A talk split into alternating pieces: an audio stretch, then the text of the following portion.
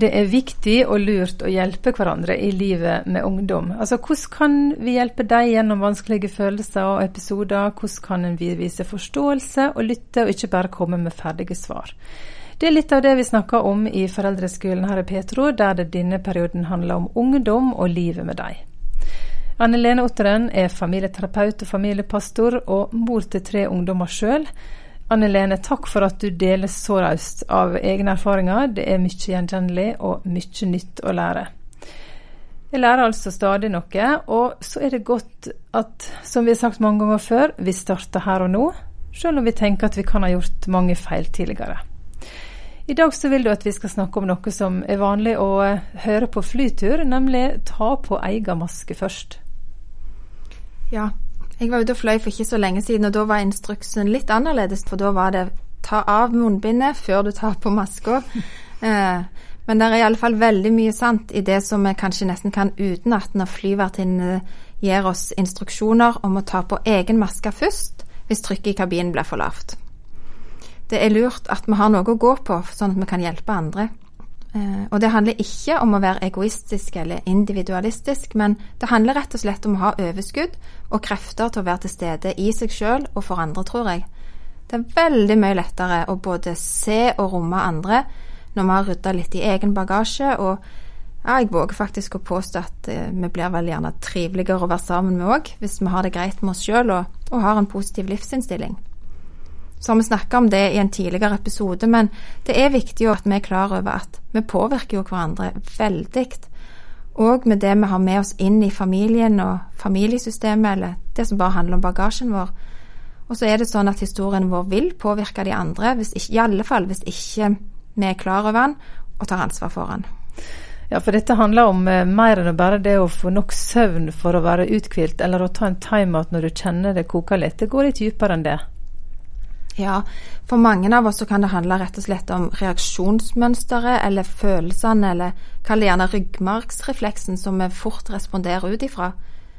En ting som veldig mange foreldre blir overraska eller gjerne litt skremt av, det er hvor enormt sterkt det kan føles med sinne eller andre følelser som bare bobler opp når en kjenner at det koker litt i relasjonen til ungene. Og Samtidig så er det jo sånn at fortida vår og erfaringene våre det er jo en del av bagasjen. sånn at det levde livet det gir oss både kompetanse og uønska kompetanse. Sånn at hvis vi ikke er bevisste og tar aktive valg, så er det veldig lett at tromla bare suser, og så håper vi at ting går greit. Ja, for det handler om reaksjonsmønstre hos oss, og gjerne det vi da får ut fra ting vi har med oss fra barndom og ungdom, som vi ikke sånn i utgangspunktet bevisst på. Men det bør vi bli bevisste på, sier du her.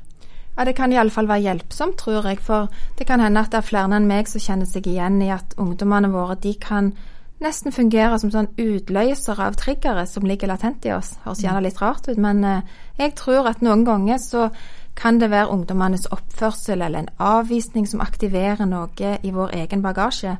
Og da er det lurt med å jobbe litt godt med det, sånn at ikke dette blir krevende i, i relasjonen. Mm. Noen ganger så har jeg for min del reagert på direkten, og det vet jeg at det er jo sjelden lurt. Eh, og da er det igjen pust med magen og gjerne en gang til, og så bare bestemme meg for at dette må jeg ta ansvar for, for dette er mitt. Og så kan jeg heller gi dem en litt greiere tilbakemelding, forhåpentligvis. Mm. For det er lite som er så ødeleggende som harde ord og harde hjerter. og Det står jo i Bibelen veldig fint om dette må ikke vekke sinne og trass hos barna. og det tror jeg faktisk er en veldig viktig nøkkel for å bevare gode relasjoner.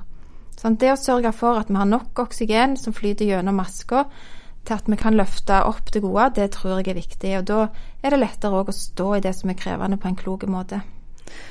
Og så er det ulike måter vi klarer å finne det oksygenet også. Det handler vel litt om det å ta vare på seg sjøl, sjøl, om vi ønsker å være der for ungdommene. Helt sant. Og jeg bestemte meg tidlig for at ungene våre de skulle alltid bli prioritert og sett, og det står jeg for ennå. Men jeg ser at noen ganger så kan det å ta på egen maske først òg være det beste for ungdommene.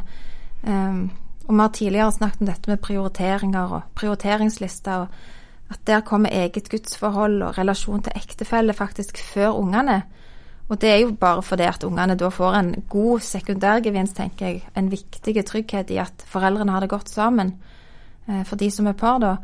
Men noen ganger så kan òg ungdommene dra nytte av at jeg har tatt meg en fjelltur faktisk og kommet tilbake i godt humør, istedenfor at jeg bare har gått hjemme og surra med forskjellige oppgaver og gått meg trøtt. Mm. Eh, da er ikke jeg den utgaven jeg har lyst til å være meg sjøl i møte med ungdommene. så...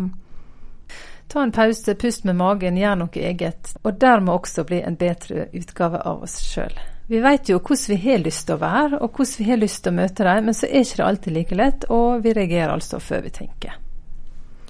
Ja, og så er det jo dette da med Iallfall jeg tror aldri jeg har møtt noen ungdommer, verken egne ungdommer eller andres, som har følt seg avviste hvis jeg har bedt om litt tid før jeg gir en respons eller et svar.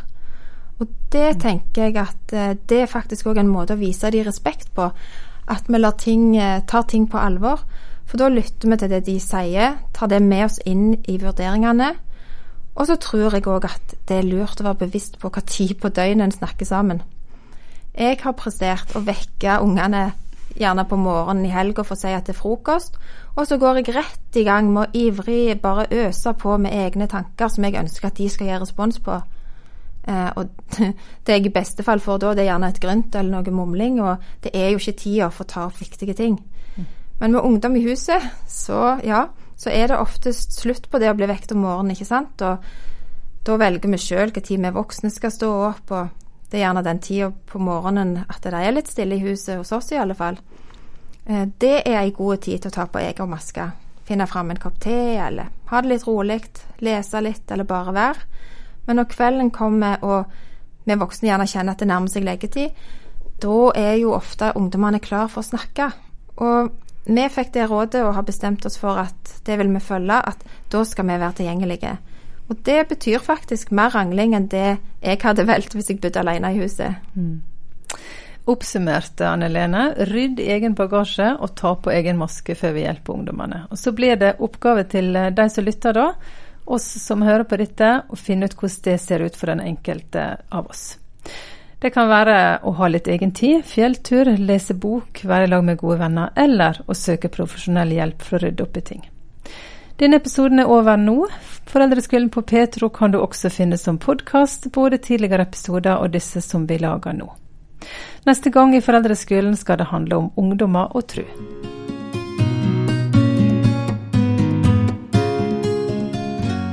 Du lytta til Foreldreskolen, en serie fra Petro. Her møter du Anne Lene Otterøen og Anne Birgitte Lille Bøbø. Serien er laga med støtte fra Medietilsynet.